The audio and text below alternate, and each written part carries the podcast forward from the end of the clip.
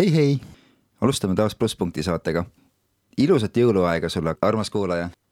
täna teeme oma saadet Tartust ja mul on appi tulnud Laura Jõgar siinsest noortesaatest Pusle. Laura, tee häält, tere! tere! aitäh, et sa tulid mulle appi. ja mul on olnud kaua aega unistus teha kaksikute saateid, sest kaksikud tunduvad inimestele nii põnevad ja inimesed alati küsivad neilt ühesuguseid küsimusi.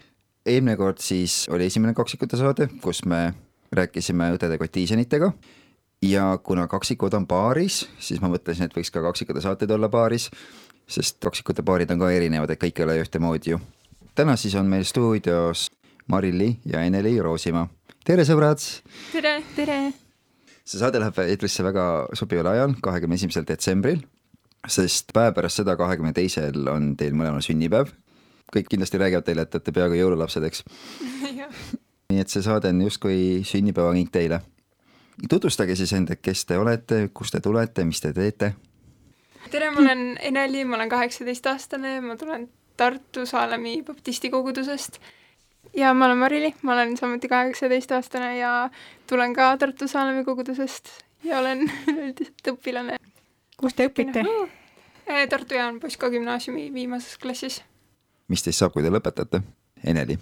see on väga raske küsimus, sest et äh, ma tegelikult olen terve elu teadnud enam-vähem, kelleks ma saada tahan, aga nüüd viimasel ajal on lihtsalt kõik mõtted nii laiali, et ausalt öeldes eks aeg näitab. Marili? jaa, mul on olnud igasuguseid mõtteid, et unistus on olnud äh, meditsiinisuund ja praegu ma teen ka suht palju selleks, et sisse saada. aga eks siis näeb, kas see läheb nii või mitte mm. -hmm, väga tore. kui me rääkisime siin juba teie tulevasest sünnipäevast, siis kas teil on mõni tore lugu rääkida oma sündimisest, sest kui lapse sünd on ime, siis kaksikute sünd on eriline ime. kindlasti vanemad teile midagi rääkinud. Eneli jaa no tegelikult ega ta nii teistmoodi ei olegi, võib-olla see, mis meie kui kaksikute puhul inimestele on üllatuseks, on see, et meie vanusevahe arvatakse olevat alati mingi üks minut või kaks minutit, aga kui saadakse teada, et minu ja Marili vanusevahe selles suhtes on nelikümmend minutit, siis ollakse üliüllatunud, et appi nii kaua, aga ei teata seda, et üks minut või kaks minutit on tavaliselt keisrilõike puhul, aga meie emal oli siis loomulik sünnitus. Marili jah, äh, selles mõttes tegelikult, kui me sündisime, siis me olime väga erinevad. näiteks Enelil oli hästi palju juukseid ja mul ei olnud üldse juukseid ja siis oligi vahepeal selline tunne, nagu Eneli oleks minu juuksed endale saanud. tänu sellele oli väga kerge meil vahet teha, nii et isegi kui ma olen vahepeal mõelnud, et äkki hoopis mina olen Eneli ja Eneli peaks olema hoopis Marili, siis tegelikult see ei ole võimalik, sest me olime väiksena väga-väga erinevad. et isegi arvati, et me oleme erimunaraku kaksikud, kuigi juba teati, et me oleme ühe munaraku kaksikud kui nüüd selle teema juurde täna tulla, mis on äh, erinevad inimeste arvamused nii kaksikute kohta kui üldse elu kohta, siis mis on olnud kõige naljakamad ja absurdsemad arusaamad teie kui kaksikute kohta? ma tean, te rääkisite mulle ükskord ühe imeliku loo selle kohta, kuidas ma ei tea, kumba teist üks inimene näpistas ja siis ta tahtis teada, kas teine tunneb valu. Eneli? jaa see lugu juhtus minuga ja tegelikult oli see, me kunagi olime Mariliga kodutütred ja meil oli just üks äh, matk ja, ja me pidime minema paadi peale, aga enne kui ma paadile jõudsin minna, üks meie sõber siis tuli ja lihtsalt näpistas mind ninast. Ja päris tugevasti ja ma olin nii ehmunud, ma olin nagu, mis sa teed? ja siis ta oli ka nagu, aa, et ma lihtsalt tahtsin teada, et kui ma sulle haiget teen, et kas su õde tunneb valu ja ma ei olnud elus absurdsemat asja kuulnud, et, et igasuguseid arvamusi võib olla, aga et niimoodi, et, et mulle haiget teha ja siis, et mu õde tunneb valu, vot seda ma ei olnud varem kohanud.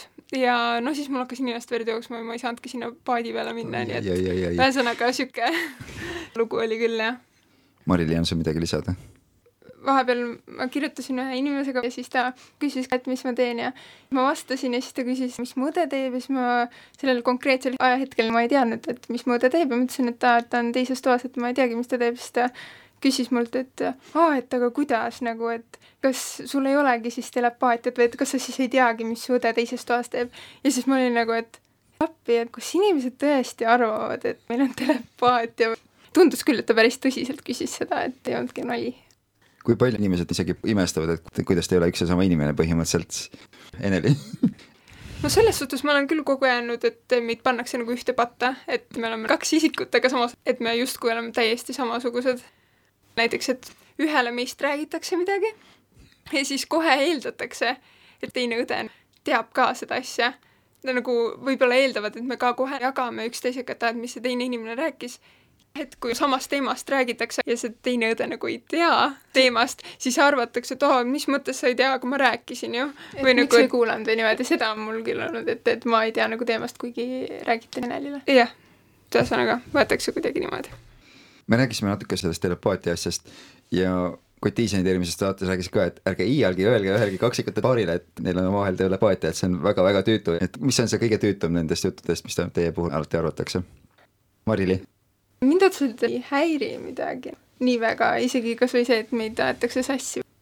üks asi on see, et kui öeldakse kaksikud, kui öeldakse, oletame kuskil laagris või niimoodi, et öeldakse, et aa, et kaksikud, tulge siia ja ma saangi aru, et meid mõeldakse, sest me oleme ainukesed kaksikud, siis see on täiega okei okay. nagu. või on... siis olukorras, kus on hästi kiire jah, et siis jaa, üldse ei häiri. aga kui see on näiteks niimoodi, et kuhugi caption'iks on kirjutatud või lihtsalt on vaja kuhugi kirjutada ja öeldakse kaksikud Eneli ja Marili, siis see kaksikud tundub mulle nii ebameeldiv sõna, et sama hästi võib öelda lihtsalt Eneli ja Marili. et vahepeal see kuidagi häirib või jääb nii kõrva kõlama. aga selle telepaatia kohta, et see muidugi ei ole tõsi, aga kas on teie arvates kaksikutel kuidagi omavahel rohkem seda mõistmist või ühist tunnetust, kui võib-olla erinevas vanuses õdedel-vendadel. Eneli? kui ma enda põhjalt vaatan, siis ma ütleks küll, et seda mõistmist on võib-olla rohkem ja arusaamist.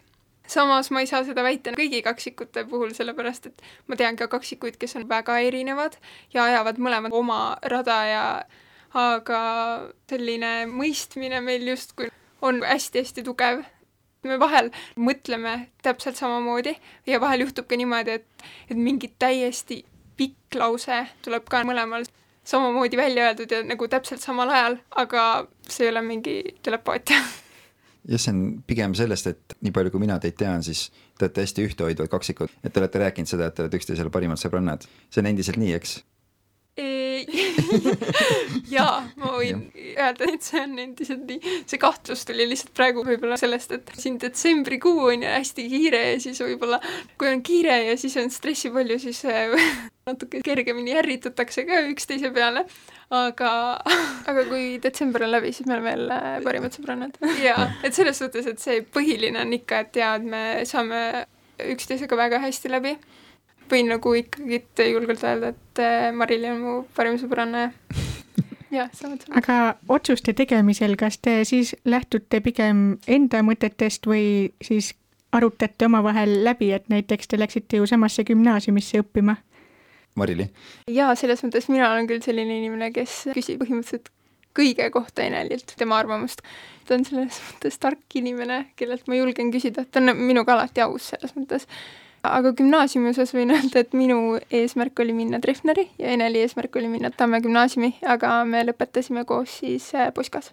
aga ma usun, et see on ka jumala juhtimine ja üks tunnistus, millest ma arvan, praegu pole aega rääkida. Eneli? jaa, tegelikult see eesmärk gümnaasiumitega oli just see, et me läheks eraldi gümnaasiumitesse okei okay,, Marilil oli tõesti unistus, et minna siis äh, Treffnerisse, mul oli selle Tammega omad mõtted, aga eesmärk oli jah, meil mõlemal minna eraldi, et just iseseisvamaks saada, et me ei sõltuks nii palju üksteisest, aga jah, nüüd me siis oleme siin Puskas koos ja, ja ei saanud ikka eraldi mindud. Te olete ühes klassis ka, kuidas klassikaaslased teil vahet teevad ja õpetajad, Eneli?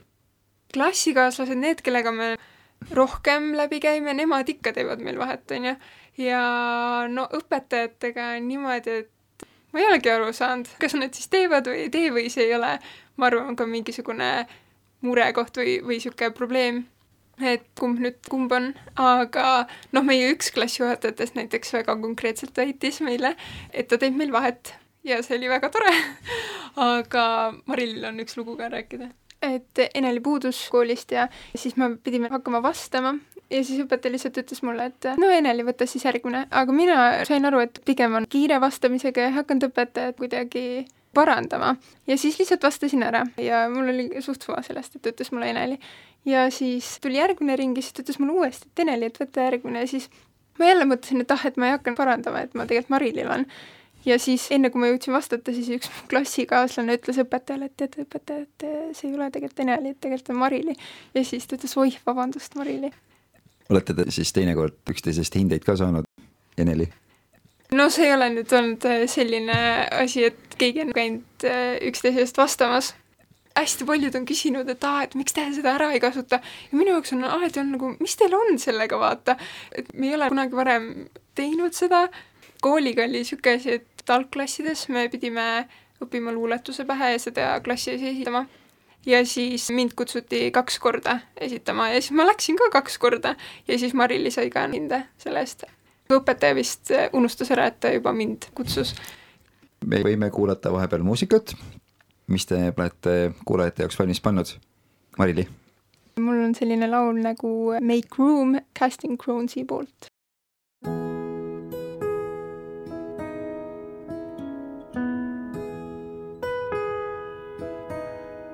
family hiding from the storm found no place at the keeper's door. It was for this a child was born to save a world so cold and hollow. A sleeping town they did not know that lying in a manger a Savior King who had no home has come to heal our sorrows. Is there room in your heart? Is there room in your heart? Is there room in your heart for God to write his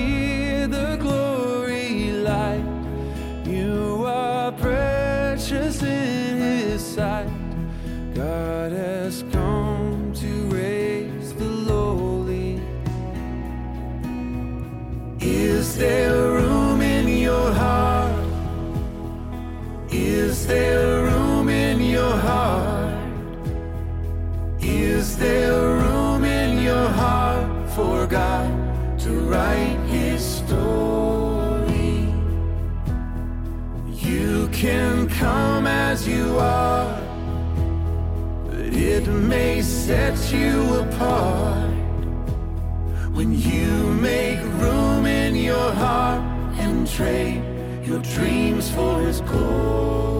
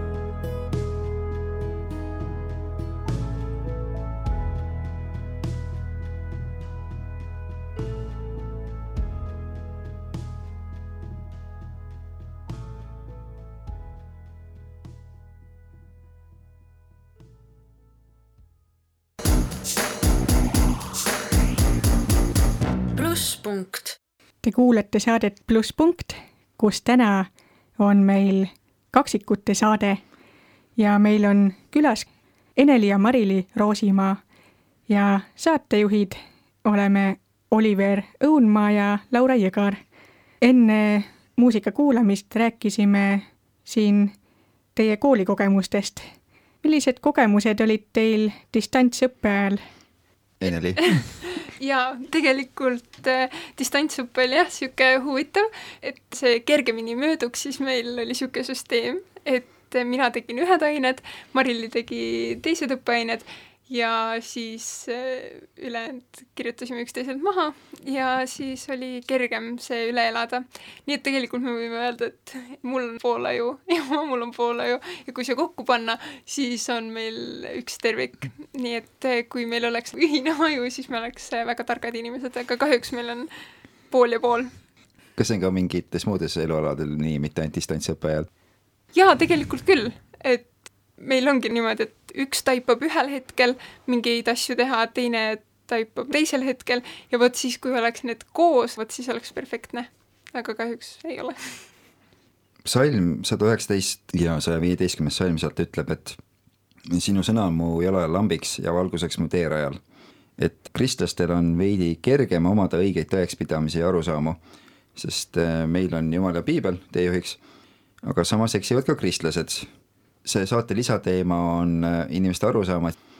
millised on kõige kummalisemad arusaamad, mida te üldse nagu üldiselt inimeste käest olete kuulnud näiteks elu, usu ja jumala kohta, mis teid hämmastanud on? Marili? mu ema rääkis sellist asja, et kui tema kristlaseks sai, siis tema õe sõbrannad said ka teada, et äh, ta õde on siis nüüd kristlane, ehk siis minu ema. ja kui äh, üks tema sõbrannadest siis nägi mu ema, siis ta oli, et appi, et ta on nii normaalne, et ta ei teadnudki, et kristlased võivad olla nii-öelda normaalsed, ehk siis ta arvas, et meil on selline rätik peas ja kuidagi seelik seljas või niimoodi, et, et me oleks täiesti nagu eraldatud sellest maailmast, aga tegelikult me oleme täiesti tavalised ja normaalsed inimesed. et see on võib-olla üks selline vale arusaam sellest, millised kristlased on. Eneli? aga samas, mis on tegelikult positiivne üllatus sellele inimesele, kes puutus meie emaga kokku. aga võib-olla ebameeldivam on see, et nad ajavad sassi meid Jehova tunnistajatega ja nad ütlevadki, et ah, et jaa, jälle mul käis üks ukse taga ja siis võib tekkida ka selline väärarusaam, et me justkui surume oma usku peale. selles suhtes, et tegelikult kristlased ise nii ei tee Mari-Li, tahtsid midagi lisada? mis on välja tulnud kas või klassikaaslastega rääkides, on see, et nad eeldavad, et kristlased on perfektsed ja nad ei sobi kirikusse tulla, sest et nad on nii patused, et nad arvavad, et kõik, mis me teeme, on õigesti ja tihti nad näitavad seda ka halvas valguses. kuidagi see, et aa, et kristlased teevad jälle kõike õigesti ja tahavad olla ja näidata, et nad on kõige paremad ja piiblis on ka öeldud, et äh, arsti ei vaja mitte terved, äh, vaid haiged ja nii on ka koguduses, et äh, me kõik oleme patused ja isegi kui me üritame olla paremad. just, et tihti unustatakse ära, et kirikusse just on väga oodatud kõik need, kellel on midagi vaja elus parandada, et ei pea enne olema parandatud, vaid tulebki kirikusse ja seal Jumal aitab parandada siis elu ja juhtida temale meelepärases suunas edasi. jah mis te arvate, millest sellised arusaamad tekivad? Eneli? ma arvan, et neil endal puudub see kokkupuude ja tegelikult ja üldse nagu meedia teeb ka väga suurelt oma töö ja raamatud kindlasti ma mäletan sellist momenti, kui põhikoolis hästi paljud meie klassikaaslased tegelikult teadsid, et me oleme kristlased ja siis me käisime Tõde ja õigust vaatamas, kui see just kinno tuli.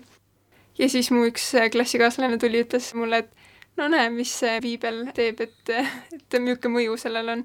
et kui Andres kurjaks muutus, et siis see oli nii-öelda piibli süü, et siis kuidagi nähvas sellega mulle, et näed, vaadake, mis see teie piibel teeb. et niisugused asjad ka kindlasti mõjutavad ja loovad mingit äh, arvamust. Mari-Li? ja ma arvan, et äh, lisaks see ka, kuidas koolis räägitakse mingitest asjadest, mul on tihti jäänud mulje, et õpetajatel ongi selline ühepoolne seisukoht ka usust ja siis seda räägitakse tervele klassile, isegi kui eeldatakse, et terve klass on mittekristlased. jääb selline mulje, et õpetaja eeldab, et terve klass on mittekristlased, kuigi ei teata, et võib-olla klassis on mõni üksik kristlane. ja nii, nagu Eneli mainis ka, et see, mis võib-olla ühiskonnas kajastatakse, et Eestit teatakse kui usuvaeset rahvast, eriti just kristluse mõttes kui me toome näiteks meie eelmise presidendi, kes keeldus või ei tahtnud minna jumalateenistusele, siis see on ka rahvale mingisugune näide sellest, et kirikut ei hinnata või see ei ole meie ühiskonnas tähtis ja see ka mõjutab inimeste seisukohti kirikust ja üldse usust ka üleüldiselt mm. -hmm. kuna te olete kaksikud, et kas teil on mingisugune eelis ka, kuidas olla valguseks teistele inimestele ja kuidagi ka selliseid arusaamu muuta? Mari-Li?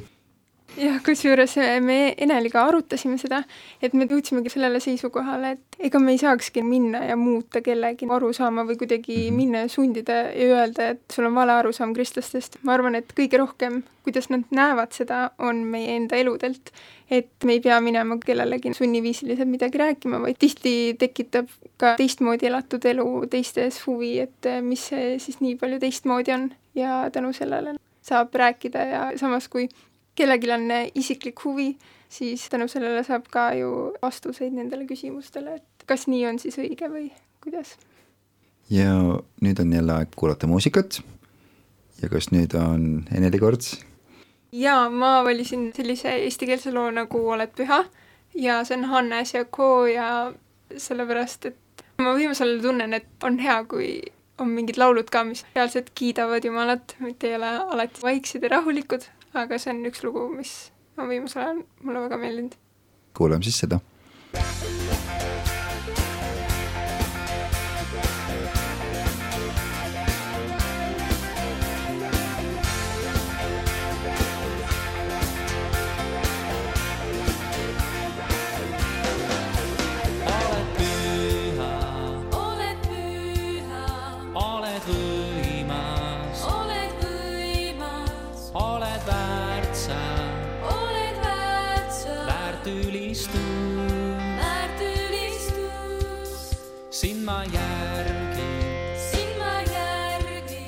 sind ma kuulan, sind ma kuulan. Igavesti, igavesti. Armastan sind.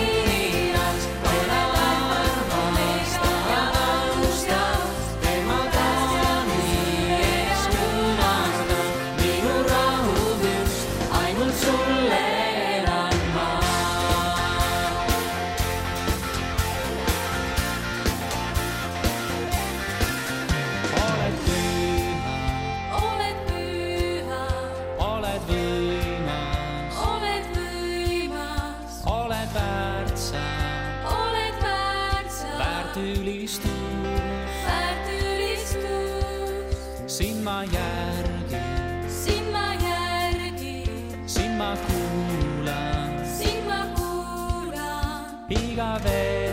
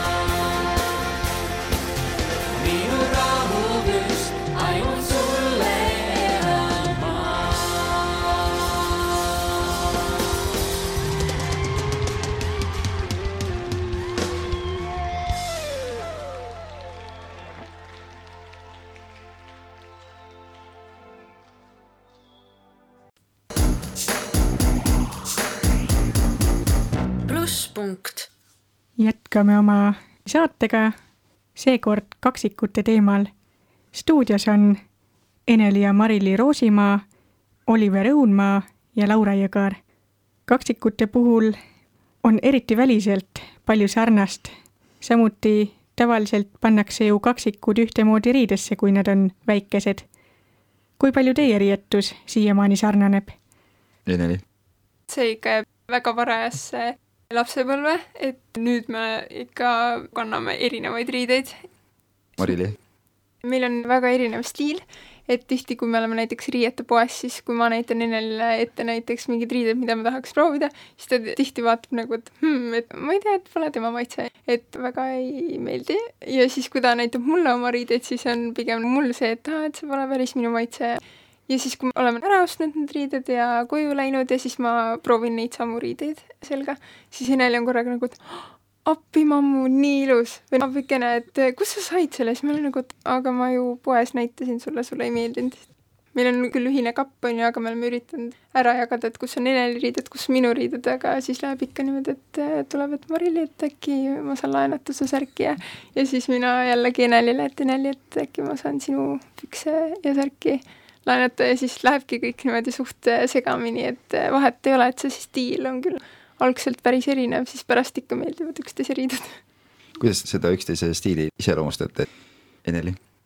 võib-olla ma olen rohkem selline pusad ja T-särgid, aga Marilyn on nagu rohkem sihuke pluusid ja kampsunid ja see riietus on ka hea näide, et eh, mismoodi te omavahel erinete tegelikult. et ise te olete ka mulle öelnud, et kuidas see meil vahet ei tee, Oliver, et me oleme ju nii erinevad tegelikult ja siis ma vaatan nagu juhminaga otsa teile täpselt ühte nägu mis on veel sellised erinevused, mida te üksteise puhul tunnete? Eneli? jah, ma ütlekski, et kohe, kui me hakkame rääkima ja suhtlema inimesega, ma arvan, et selline arusaam, et me oleme väga sarnased, muutub üsna ruttu.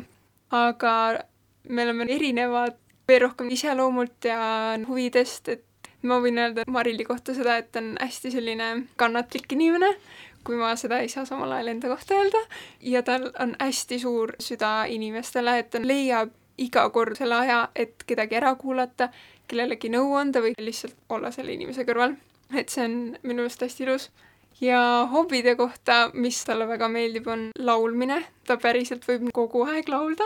mina jällegi nii suurt sellist äh, kirge ei tunne laulmise osas, et äh, ma võin laulda, aga niimoodi, et järjest niimoodi kogu aeg äh, ei. no nii, nüüd Eneli rääkis sinu eest ära, Mari-Lee ja no ma ütleks, et Eneli on minust palju kindlameelsem ja enesekindlam inimene ja kui ma valiks kellegi kuhugi rääkima, siis ma valiks Eneli ja sest mul on tunne, et teda kuulatakse. Nagu ma enne ka mainisin, et ma täiega läheks tema käest küsima mingit nõu või näiteks ta on hästi aus minuga, et kui ta ütleb mulle, et ma olen ilus, siis ma päriselt usun teda ja selles mõttes ma väga hindan ta sõnu ja üldse tema enesekindlust, et tal on rohkem sellist juhiandi kui minul. Ja tema hobid on majade projekteerimine. Oh.. tal on arvutis selline rakendus, kus ta teeb maju, noh, ta ise nimetaks seda nagu sisekujundust arhitektuuri kokku ja ta teeb väga põnevaid majade plaane ja kui ta on julge, siis näitab teistele ka. aga me alati julgustame teda näitama teistele ka, sest ta teeb väga lahedaid ja ilusaid maju. aa, ja pluss mängib ta flööti ka, väga hästi mängib. ja siis, mis on teie sarnasused peale välimuse veel, Mari-Li?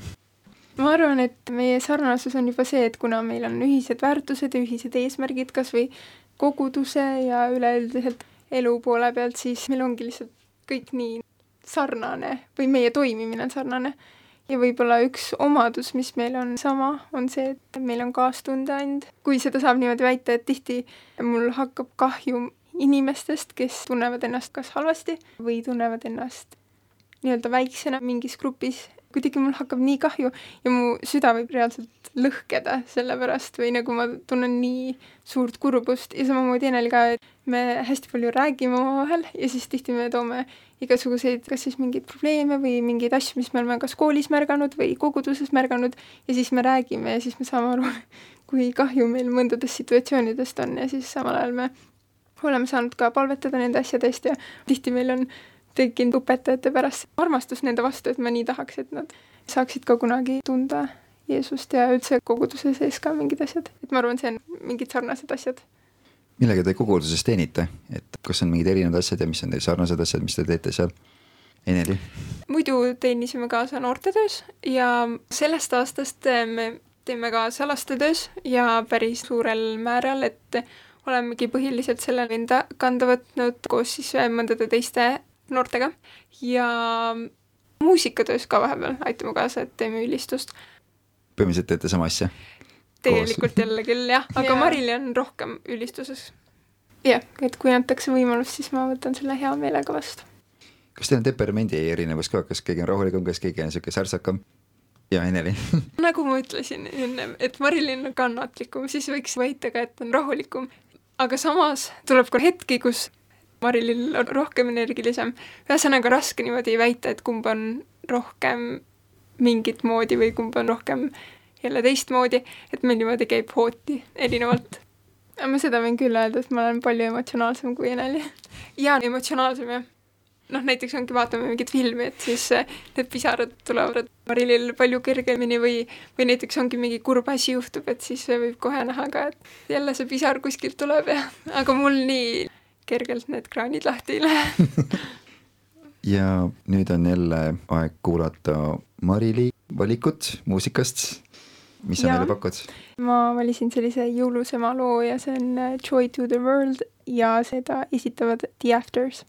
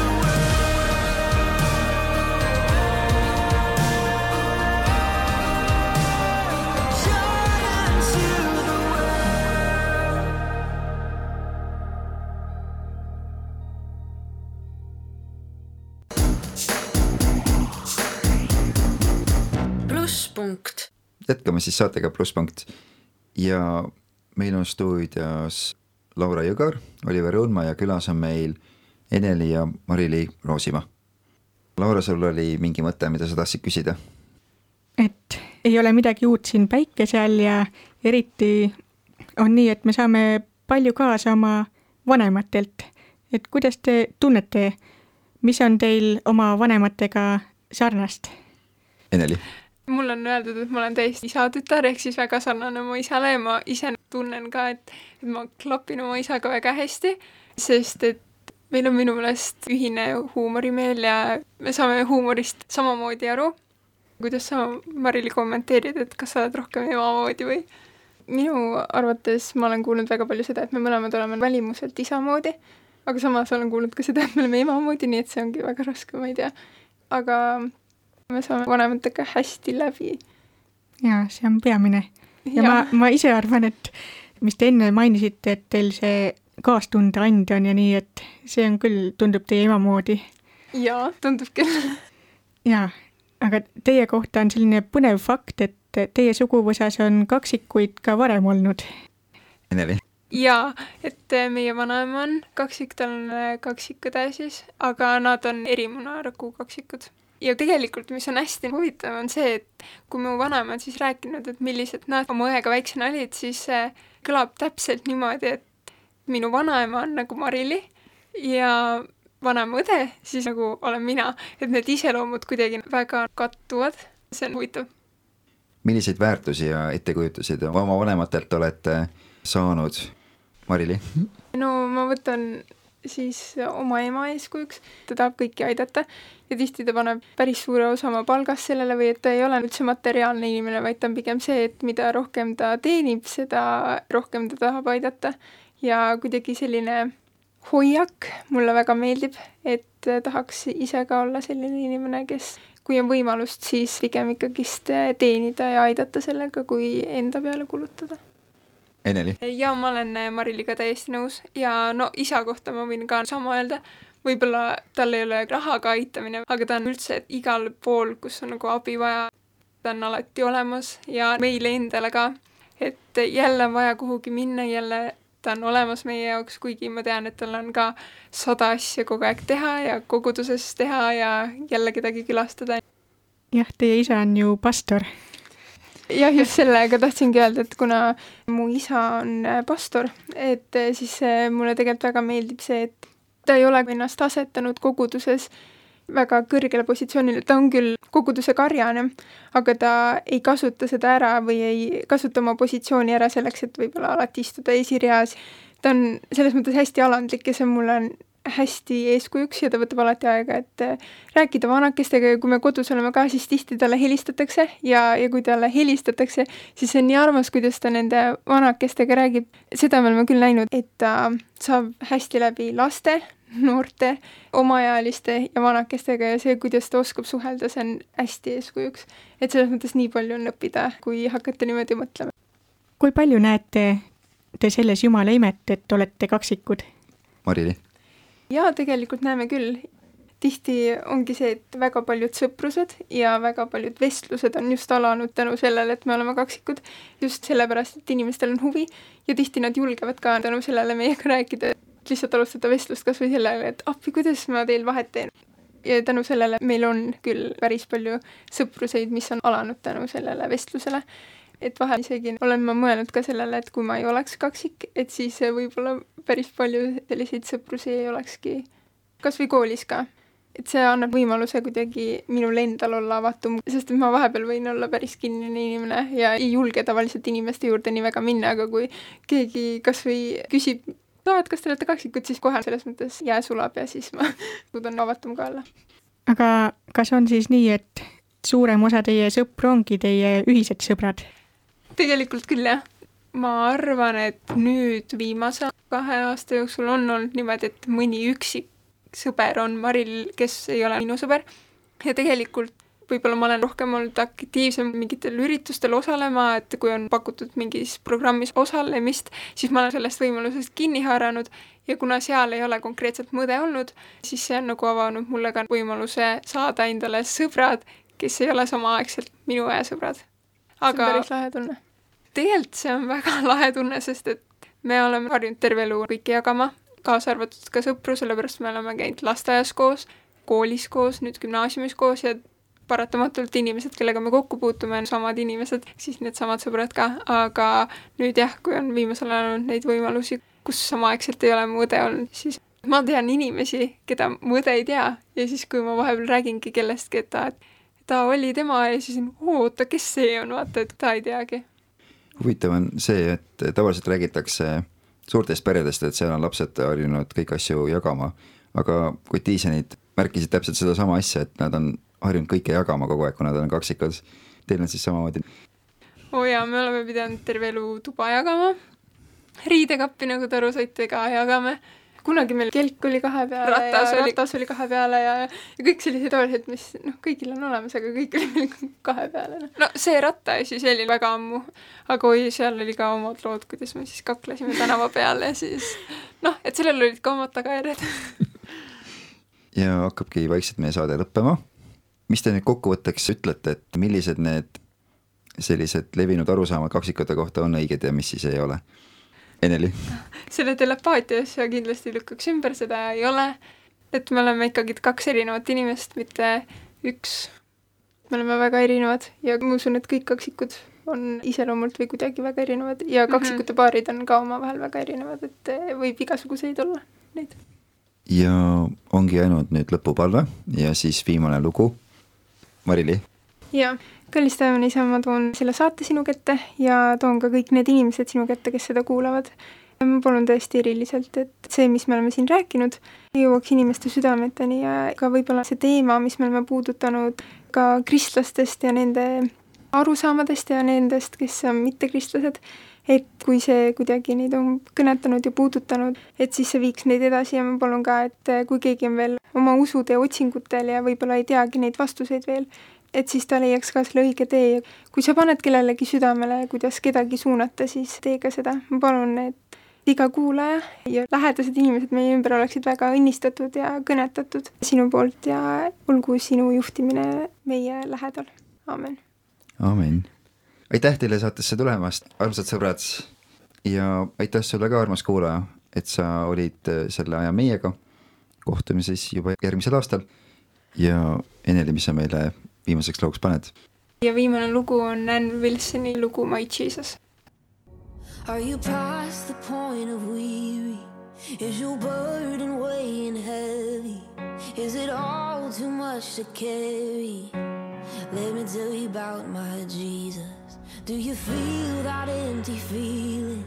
Cause shame's done all it's stealing, and you're desperate for some healing. Let me tell you about my Jesus. He makes a way where there ain't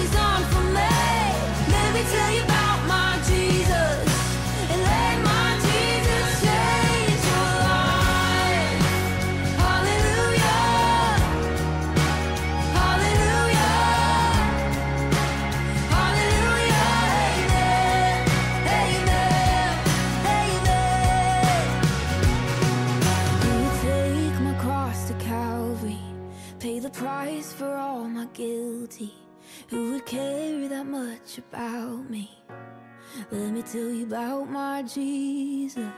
Oh, he makes a way where there ain't no way. Rise